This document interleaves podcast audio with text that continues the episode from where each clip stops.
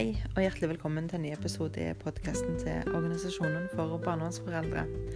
Eh, I dag skal dere også få anledning til å høre meg alene, så mitt tema i dag skal være meg og mine hjelpere. Men før jeg sier noe om det, så vil jeg først eh, benytte anledningen til å si noe om våre, de tilbakemeldingene som vi har fått på denne podkasten. Eh, de har vært utelukkende positive. Jeg er helt eh, overvelda over alle de hyggelige tilbakemeldingene. Den kanskje rareste tilbakemeldingen for meg er jo at noen sier at du har ADHD. Det hadde jeg aldri trodd med den rolige stemmen du legger for dagen. Uh, og jeg vet ikke helt hvor den stemmen kom ifra. Det er akkurat som jeg kom inn i sånn radiomodus. Jeg blir helt um, blir litt sånn terapistemmeopplevelse, følelse for meg òg. Så um, det er nå det det har blitt. Um, det er ikke noe sånn tilgjort eller noe sånt, men, men det føles bare så godt å sitte og fortelle og fordele av de erfaringene som jeg har gjort meg. For en del av de erfaringene jeg har gjort meg, har vært ganske dyrekjøpte, så at noen andre kan ta del i det, for meg er det ganske terapeutisk. Terapeutisk, ja. Eh, vi har fått en del spørsmål om vi kan lage flere sendinger om samvær. Eh, da vi spesifikt fått forespørsel om å snakke om de første samværene etter omsorgsovertakelse. Og det syns jeg var en kjempegod idé. Det var et enormt godt innspill, så det skal jeg virkelig ta videre. Eh, vi har fått noen tilbakemeldinger på at lyden er litt lav. Eh, så det må vi prøve å gjøre noe med. Kanskje vi må investere i en, en mikrofon hvis dette er noe som eh, drar seg over tid. Eh, akkurat forrige gang så vet jeg at jeg forsøkte med å lage eh, opptaket med å ha headset på meg, bare for at jeg ikke skulle bli forstyrra av lyder som var rundt, eh, rundt meg. Eh, så det kan være årsaken til at forrige sending hadde litt lav lyd. Eh, ellers har vi fått veldig mye ros om måten eh, spesielt gjerne da Tina åpna seg opp om sin skam. Eh, det har vært eh, Ja, det har vært utrolig mye hyggelig. Har ennå ikke fått noe annet negativt, bortsett fra det med lyden. Så, eh, og vi kan jo ikke bli bedre på det vi driver med, hvis ikke noen gir oss ekte tilbakemeldinger. Så det, det, er ingen som blir lei seg eller triste. Vi, vi, vi ser på det som en mulighet til å lære. Når det er sagt, så vil jeg nå starte på eh, å fortelle om meg og mine hjelpere. Eh, og da må jeg eh, gå tilbake igjen til eh, Jeg skal prøve å dra dere tilbake igjen faktisk så langt som til jeg, skal være, jeg skal ikke gå i detaljer tilbake igjen, men jeg skal gå eh, langt tilbake igjen til, på 2000-tallet. Eh, fordi at jeg har alltid sett på mine hjelpere som eh, Jeg har liksom private hjelpere, og så har jeg det offentlige.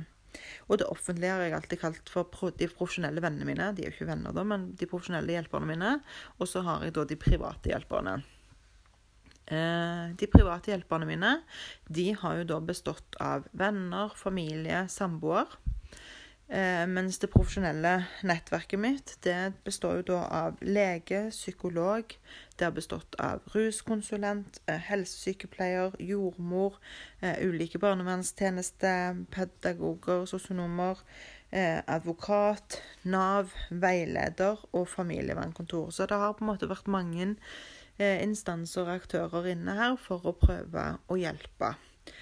Eh, grunnen til at jeg ville ha en sending som handler om hjelperne mine, det er to. Det ene er eh, for å på en måte eh, belyse denne problemstillingen, eller denne situasjonen et menneske kan befinne seg i, eh, som så eh, desperat og så frustrerende at det finnes ikke maken, med mindre du har opplevd en omsorgsovertakelse. Eh, så, så, det å, å, på en måte belyse hvor ekstremt viktig det er at du har de rette personene rundt deg når du går gjennom dette, det er det ene jeg ønsker å, å sette lys på. Og det andre er jo selvfølgelig en oppmuntring til alle dere som er, som jeg leste opp her, altså lege, psykolog, barnevernsansatt, Nav-konsulent, eh, ruskonsulent, helsesykepleier, advokater. Det er jo for å oppmuntre dere til å være en del av redningen for en familie. Og når jeg snakker om redningen, så skal jo ikke den redningen som jeg som mamma opplever, være på bekostning av noen andre eller barnet mitt. Det er ikke det det er snakk om. Men vi må kunne ha to eh, tanker i hodet samtidig her. Så jeg skal begynne å dra dere litt sånn igjennom, eh, litt bakover i historien min. Eh, jeg har jo sjøl bodd på institusjon. Eh, da snakker vi selvfølgelig ikke om 2000-tallet, men enda lenger før det. Dette var jo på slutten av 90-tallet. Eh, på den tida så, så, hadde jeg Eller på den tida Jeg har alltid eh, strevd veldig med eh, tette relasjoner. Eh, relasjoner til familie har alltid vært, vært krevende. Eh, både til mine foreldre og, og resten av familien, så har, så har, det alltid vært eh, ganske strevsomt. Og jeg har aldri følt meg eh, Jeg har aldri følt at jeg passer inn i familien min. Eh, eller at jeg hører til skikkelig. Så det, det, er noe som jeg har båret med meg fra eh, ungdomstida og helt inn i voksenlivet. Og det preger meg hver bidige dag og i dag. Eh, jeg skal komme tilbake til det seinere. Ehm, når jeg da eh, blir ung eh, mor før 2000, så så strever jeg med veldig, veldig mange ting. Jeg strever egentlig med så mange ting at jeg syns det er vanskelig å spørre familien min, fordi at eh, jeg opplever at at dette her er noe som, som, alle skal kunne. altså Det ligger nesten instinktivt i kvinner å vite eh, hvor mye mat og hvor mye søvn og hvor mye bleier og hvor mye altså Alt dette her. Jeg følte det var liksom eh, noe som en skulle vite nesten litt sånn instinktivt, og i hvert fall lære det ekstremt fort. Eh, jeg strevde med amming, jeg strevde med soving. Alt var vanskelig. Og jeg følte jeg fikk ekstremt lite hjelp og forståelse av eh, På en måte i, i mitt private nettverk. Eh, på den tida, når jeg var så ung og ble mor, så var det jo ikke sånn at jeg hadde mange venner som òg var i samme situasjon som meg. Eh, og hadde jeg hatt noen venner, så er jeg ikke sikker på om jeg hadde tort å spørre. For dette, de tingene jeg lurte på, de var så åpenbare sånn alle vet jo det. Opplegg. Eh, så, jeg, så, jeg, ble ganske skremt. Og så fikk jeg den store babyboka, husker jeg. Det, det er nesten den verste gaven jeg kunne fått. Den store babyboken. Og jeg leste den fra perm til perm og fikk helt panikk. fordi at der sto det liksom så detaljbeskrevet at det var så og så mange milligram og så og så mange milliliter og så og så mange timer søvn. Og det var, det var så Og det sto ikke sånn at det, det kan være det sto som en fasit. og sånn det ble så komplisert for meg, så jeg strevde allerede fra første dag. Uh, jeg jeg syns aldri jeg fikk liksom taket på det. Uh, og så i, på tidlig på 2000-tallet, da Så blir jeg mamma til nummer to. Uh, og for å si det sånn, da, altså etter, etter barn nummer én, så hun minste jenta, eller eldste jenta, da, er, er, ikke mer enn et Hun er ikke et halvt år engang før eh, så dør faren hennes i ei ulykke. Eh, vel vitende om at jeg må gjøre alt dette her alene, var ganske skremmende. 19,5 år og permanent aleneforsørger, holdt jeg på å si. Aleneomsorgsgiver for uh, et helt uskyldig barn. En ganske brutal tanke. Uh, og så når jeg da blir mamma for, for andre gang, eh, så er det jo en del av de tingene som jeg syns var ekstremt vanskelige, som jeg føler jeg har mye bedre kontroll på. Altså de, eh, de rent fysiske tingene, med, med, mat og søvn og Jeg har fått litt mer kunnskap i, i Kunnskapsbanken. Og har da vært eh, mamma i, i fire år, nesten, når jeg får nummer to.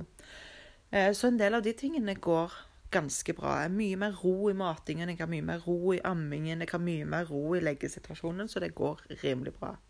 Men Jeg har overhodet null kontroll på eh, det emosjonelle, det mentale, det psykiske, alle de tingene der som går på disse skjønnsmessige vurderingene som barnevernstjenesten så ofte snakker om. Dette her må være sensitiv nok, dette her må være på barnets eh, nivå. Hadde ikke begreper. Jeg forsto ikke engang hva det var snakk om. Altså, se Altså, det, det var så komplisert. Og, og, i alle disse årene så har, er jo barnevernstjenesten De er inn, og de er ut, og de er fram og tilbake. Og jeg flytter rundt i halve Rogaland med barnevernet på slep, vel å merke. Um, og, og, jeg strever med absolutt alt. Jeg får masse hjelpetiltak som jeg sjøl opplever som helt eh, unødvendige. Eh, for dette der er, der er, jo ikke altså Det eneste som er fullstendig eh, systematisk, er jo kaoset. Det fullstendige kaoset det er ganske systematisk, for det er overalt, hele veien, konstant. Så det også fått noen i livet mitt som hadde lurt på hva er det som gjør at du flytter så mye? Hva er det som skjer i deg når du får behov for å flytte? For jeg fant jo de beste unnskyldningene på dette her. Og jeg strevde ganske lenge. Uh, jeg uh, Jeg opplever meg ganske alene i denne perioden her òg. Uh, og når jeg sier det, så betyr ikke det at jeg, at jeg har vært singel eller liksom alene alene. Men, men, jeg har følt meg litt alene likevel. For det går jo an, selv om en, en kan jo være ensom fordi man bor sammen med noen. Men, men jeg følte meg alene. Eh, jeg følte at jeg, eh, jeg Jeg var mye alene, ja. Eh, og hadde fremdeles dette litt anstrengte forholdet til min familie, der det er mye av og på. der jeg, jeg er hovedgrunnen. Jeg, jeg tar på meg skylda for det. Jeg er hovedgrunnen til at ikke det fungerer. Men uansett. Jeg får det ikke til å fungere. Eh, jeg trekker meg unna familien min eh, av ulike årsaker over mange år. Eh, jeg trekker egentlig alle som kommer nær meg, trekker egentlig litt unna. Fordi at jeg, jeg føler sjøl at jeg passer så dårlig inn. Og så spoler vi litt framover til 2008. Høsten 2008 det er jo denne høsten som blir eh, egentlig litt sånn redninger på meg, tror jeg.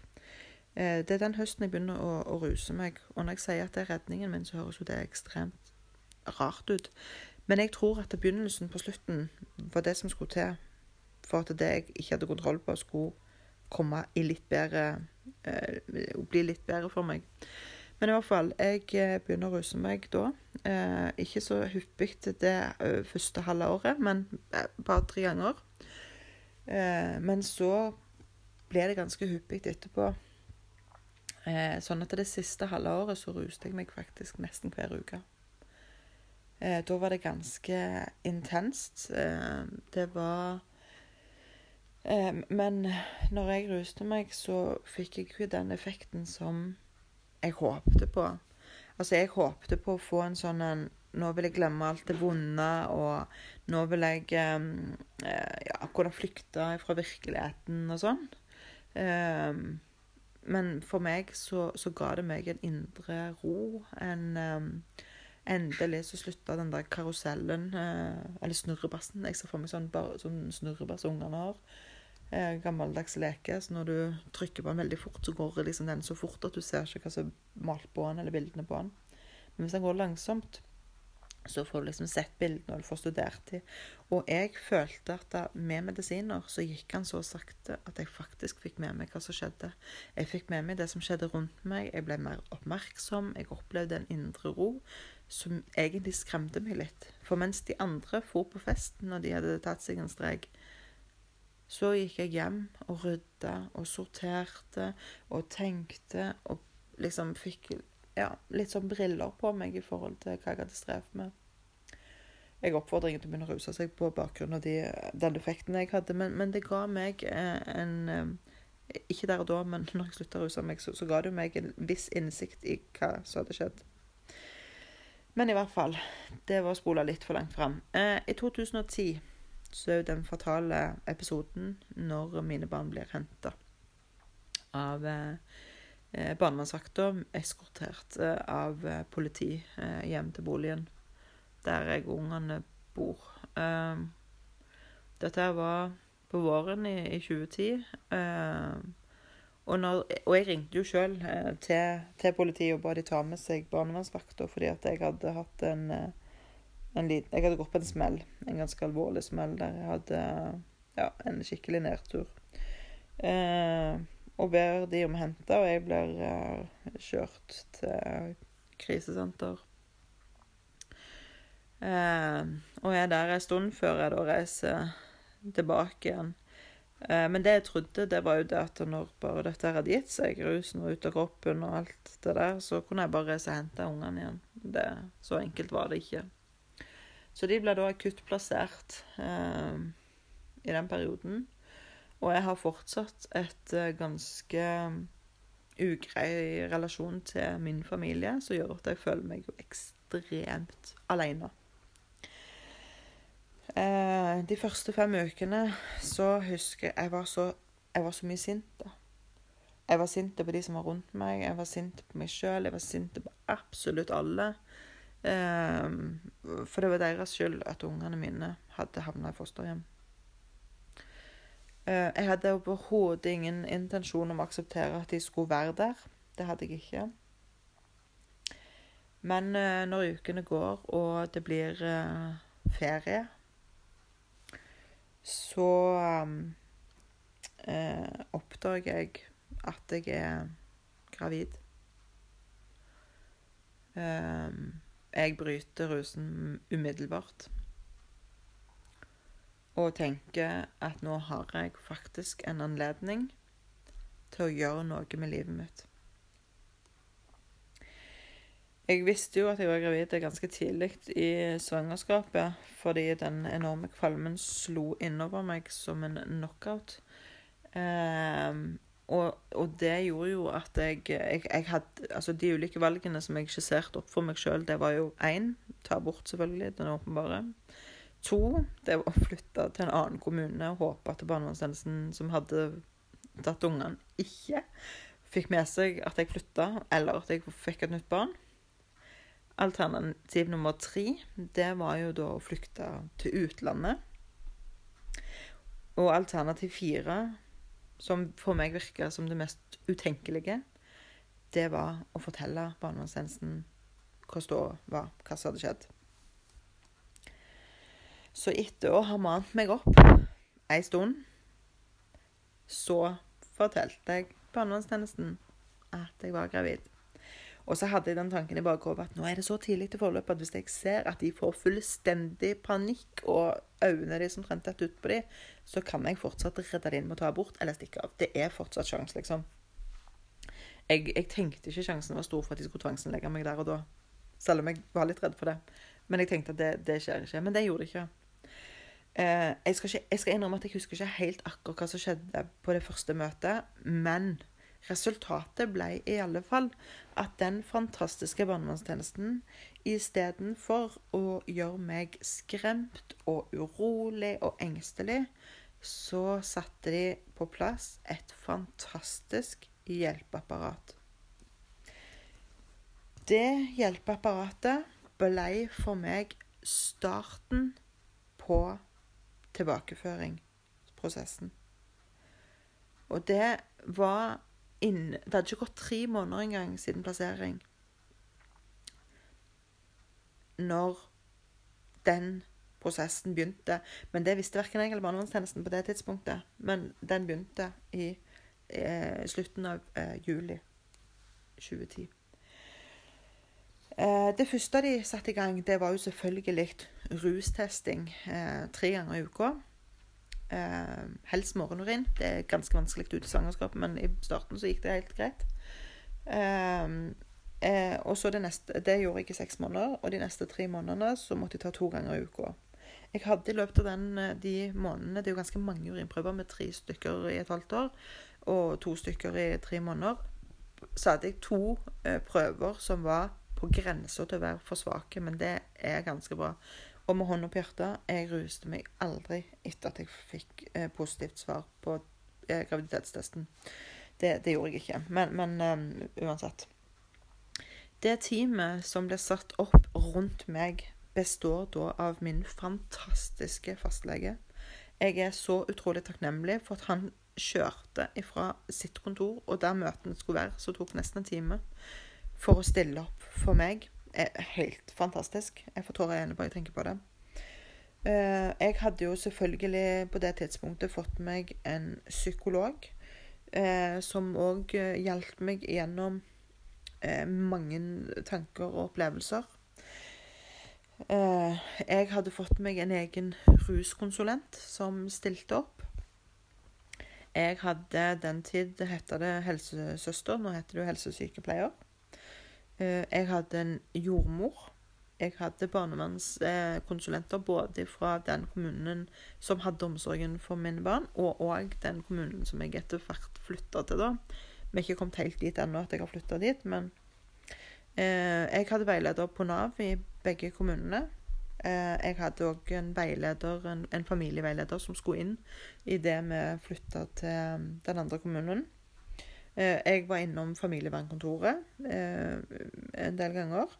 Og så hadde jeg en fantastisk advokat som har fulgt meg fra 2008. Som jeg òg må komme tilbake til, fordi hennes bidrag er, kan en ikke stikke under en stol. Det var Ja. Eh, det som er, er at um, um, Da har vi kommet til august. I luften av august så er um, Så er saken i nemnda. Jeg godtar plasseringen. Um, altså Barnevernstjenesten kontakter meg i forkant av saken, og eh, det, det, jeg tror det er satt opp tre dager, eller to-tre to, dager. Eh, men jeg aksepterer plasseringen eh, mot at jeg får samvær hver måned. Så barnevernstjenesten foreslår fire timer samvær hver måned uten tilsyn. Jeg slår til umiddelbart og sier ja takk, det vil jeg veldig gjerne. Så derfor så var vi bare tre timer i nemnda, der de ehm, eh, Der, der så, eh, bare samværsspørsmålet da blir, eh, eh blir eh, på en måte behandla, fordi at jeg da har akseptert det. Og det var ikke mitt samværsspørsmål engang, det var egentlig far sitt eh, samvær som skulle tildeles der. For at jeg hadde jo fått mine fire timer, og det, det argumenterte barnevernstjenesten for å gi meg. Så det, det får jeg. Eh, fra første, første måned så får jeg det. Ehm, dette apparatet mitt som jeg snakker om, som er en del av Noen kaller det samarbeidsmøter, og noen kaller det ansvarsgruppemøte. Egentlig så er det samme hva det heter, men poenget er at disse menneskene som var her Altså advokaten min var ikke en del av ansvarsgruppa, det var hun ikke, men hun sto allikevel med meg i eh, fylkesnemnda i 2010. Eh, hun sto med meg i alle tilbakeføringsprosessene, og hun har gitt meg eh, en støtte som var helt nødvendig. Jeg hadde en kontaktperson i barnevernstjenesten eh, som eh, fratok omsorgen, eh, som jeg må berømme. Jeg har lyst til å bruke henne med navn, men det, det, skal jeg ikke gjøre av hensyn til, til henne. Eh, men jeg kan beskrive likevel eh, litt av det som hun har gjort for meg. Uh, det er sånn at Jeg blir helt rørt bare av å tenke på det. For hun, hun, forstår ikke sjøl, tror jeg, hvor viktig hennes bidrag har vært i mitt liv. Og jo mer jeg snakker med foreldre som uh, beskriver sitt møte med barnevernstjenesten, så tenker jeg at den jobben hun har gjort med min familie, er om mulig enda større. For det at jeg husker den dagen jeg skulle treffe henne jeg satt på venterommet med alle piggene ute og var så klar til å angripe henne. For hun var sikkert minst like ubrukelig som de jeg hadde hatt før. Men bare det varme smilet hennes eh, gjorde at jeg smelta. Og piggene mine ble i hvert fall litt mindre kvasse. Eh, jeg fikk fortelle hele historien min uavbrutt jeg bruker nok litt mer tid enn et møte på barnevernstjenesten til å fortelle hele historien min, men, men uansett, jeg fikk fortelle det jeg hadde behov for å fortelle, uten avbrudd. Og dette var ei så varm, raus dame at når jeg var ferdig, så jeg at hun hadde tårer i øynene. Eller hun var blank i øynene, i hvert fall. Eh, og så spurte hun meg er det noe som har vært der for deg i denne tida. Og det Det følte jo ikke jeg at det hadde vært. Og det var da starten på et vanvittig godt og trygt og forutsigbart samarbeid. Dette var ei dame som jeg opplevde leita etter mine styrker. De styrkene jeg ikke så, men som jeg hadde, de dro hun fram. De svakhetene og begrensningene jeg hadde, de hjalp hun meg å finne omveier rundt, sånn at de minst mulig skulle prege hverdagen vår. Hun hjalp meg å se meg sjøl. Hun hjalp meg å se ungene mine. Og hun lytta til meg. Eh, jeg husker en gang hun var nede og besøkte oss, og etter vi hadde flytta til den andre kommunen, så ga hun jentene mine sitt privatnummer. Jeg fikk privatnummeret. Jeg har aldri ringt det. Men bare det at hun var i stand til å gjøre det, bare at hun stolte på oss, bare at hun viste omsorg og kjærlighet for oss på en sånn måte at det, det er helt vanvittig. Hadde ikke jeg møtt det mennesket som var ute etter å finne de gode løsningene, hjelpe meg framover lufte meg framover, så hadde jeg aldri blitt i stand til å gjøre det sjøl. For det å gå gjennom en sånn prosess som jeg måtte gjennom For jeg hadde jo gjort alt det jeg var anklagd for å gjøre, og mer til. Noe kjenner jeg meg ikke igjen i. Men jeg hadde gjort så mye mer som ikke sto der. Og jeg måtte på en måte kle av meg plagg for plagg til jeg sto der splitter naken og sårbar og ydmyk.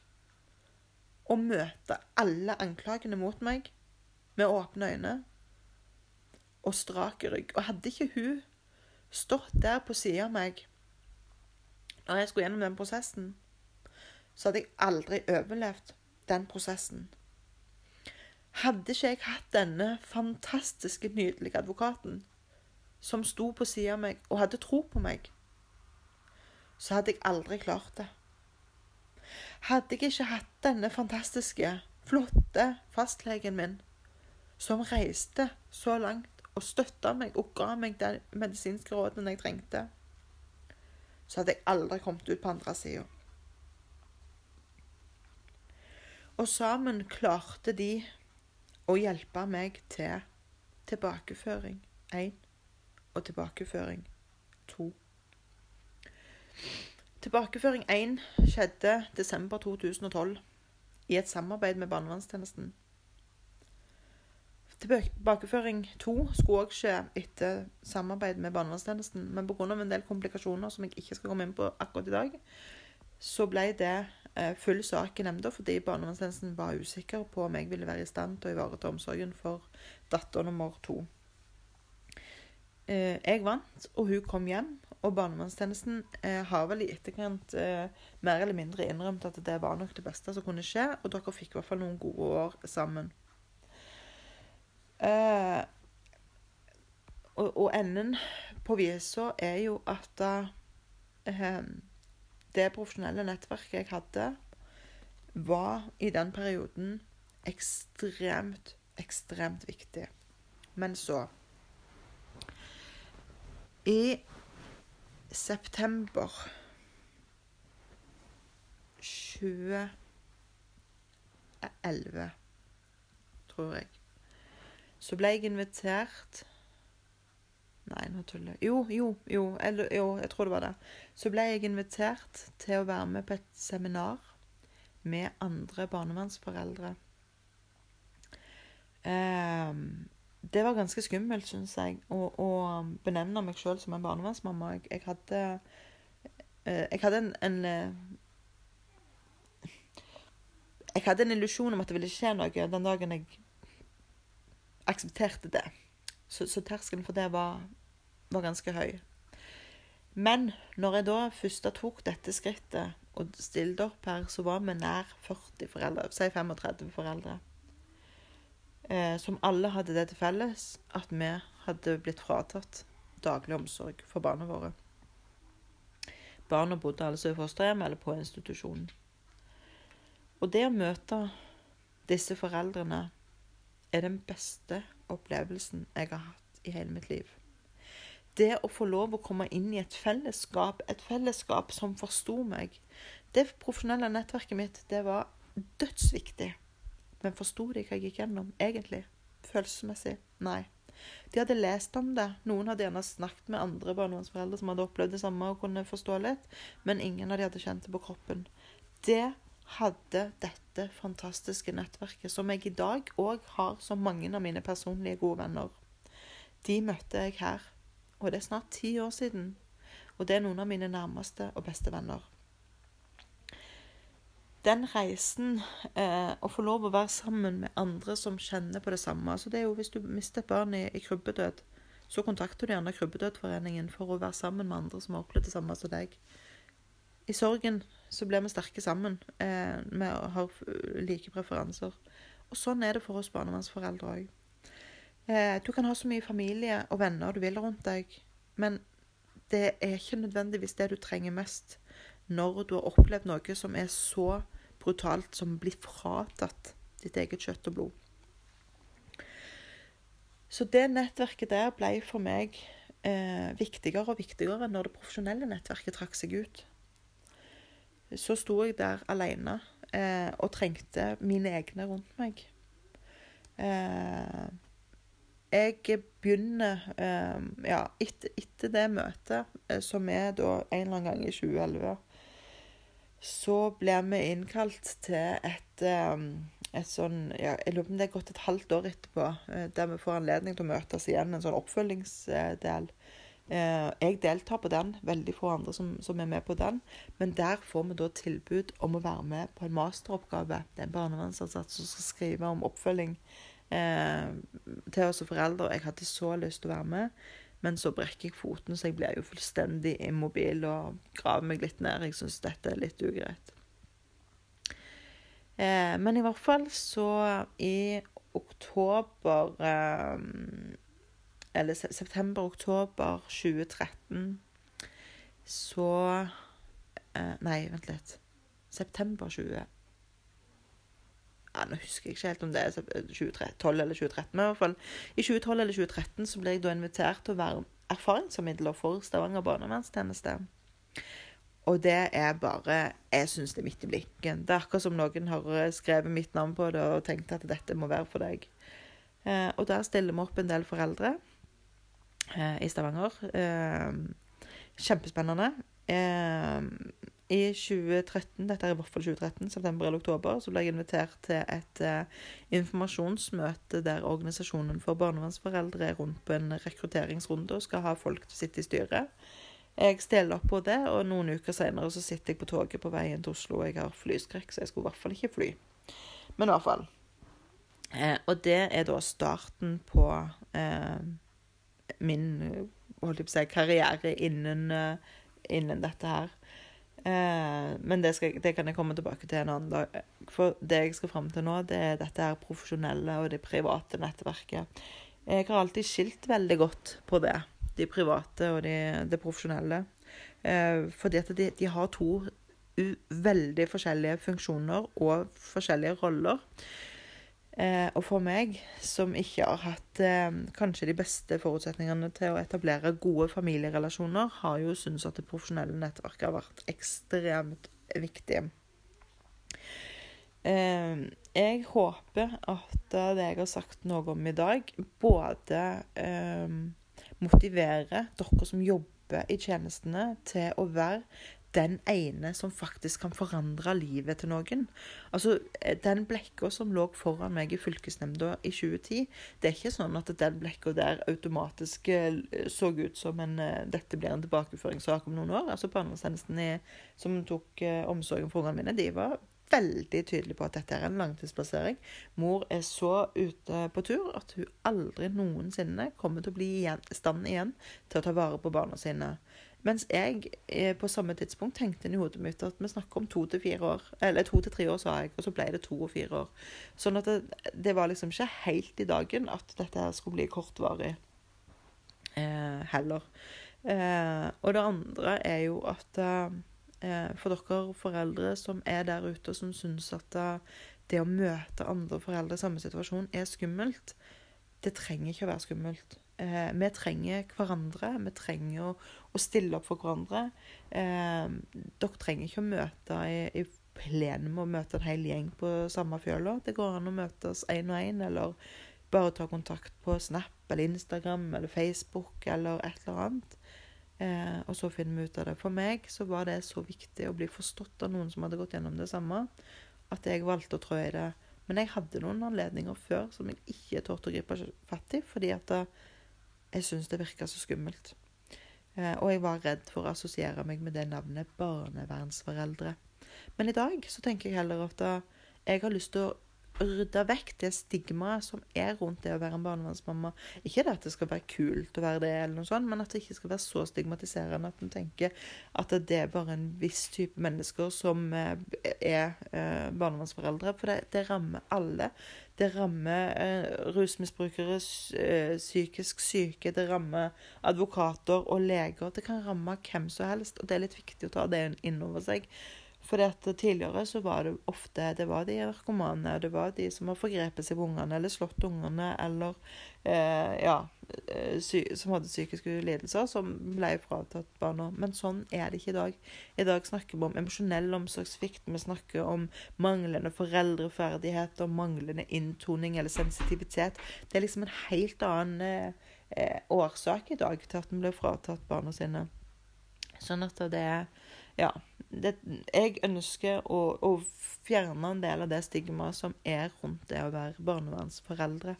Eh, en skal ikke være stolt av det, men det skal heller ikke være noe som en ikke våger å si i offentlighet. Eh, så det er på en måte litt av eh, min agenda.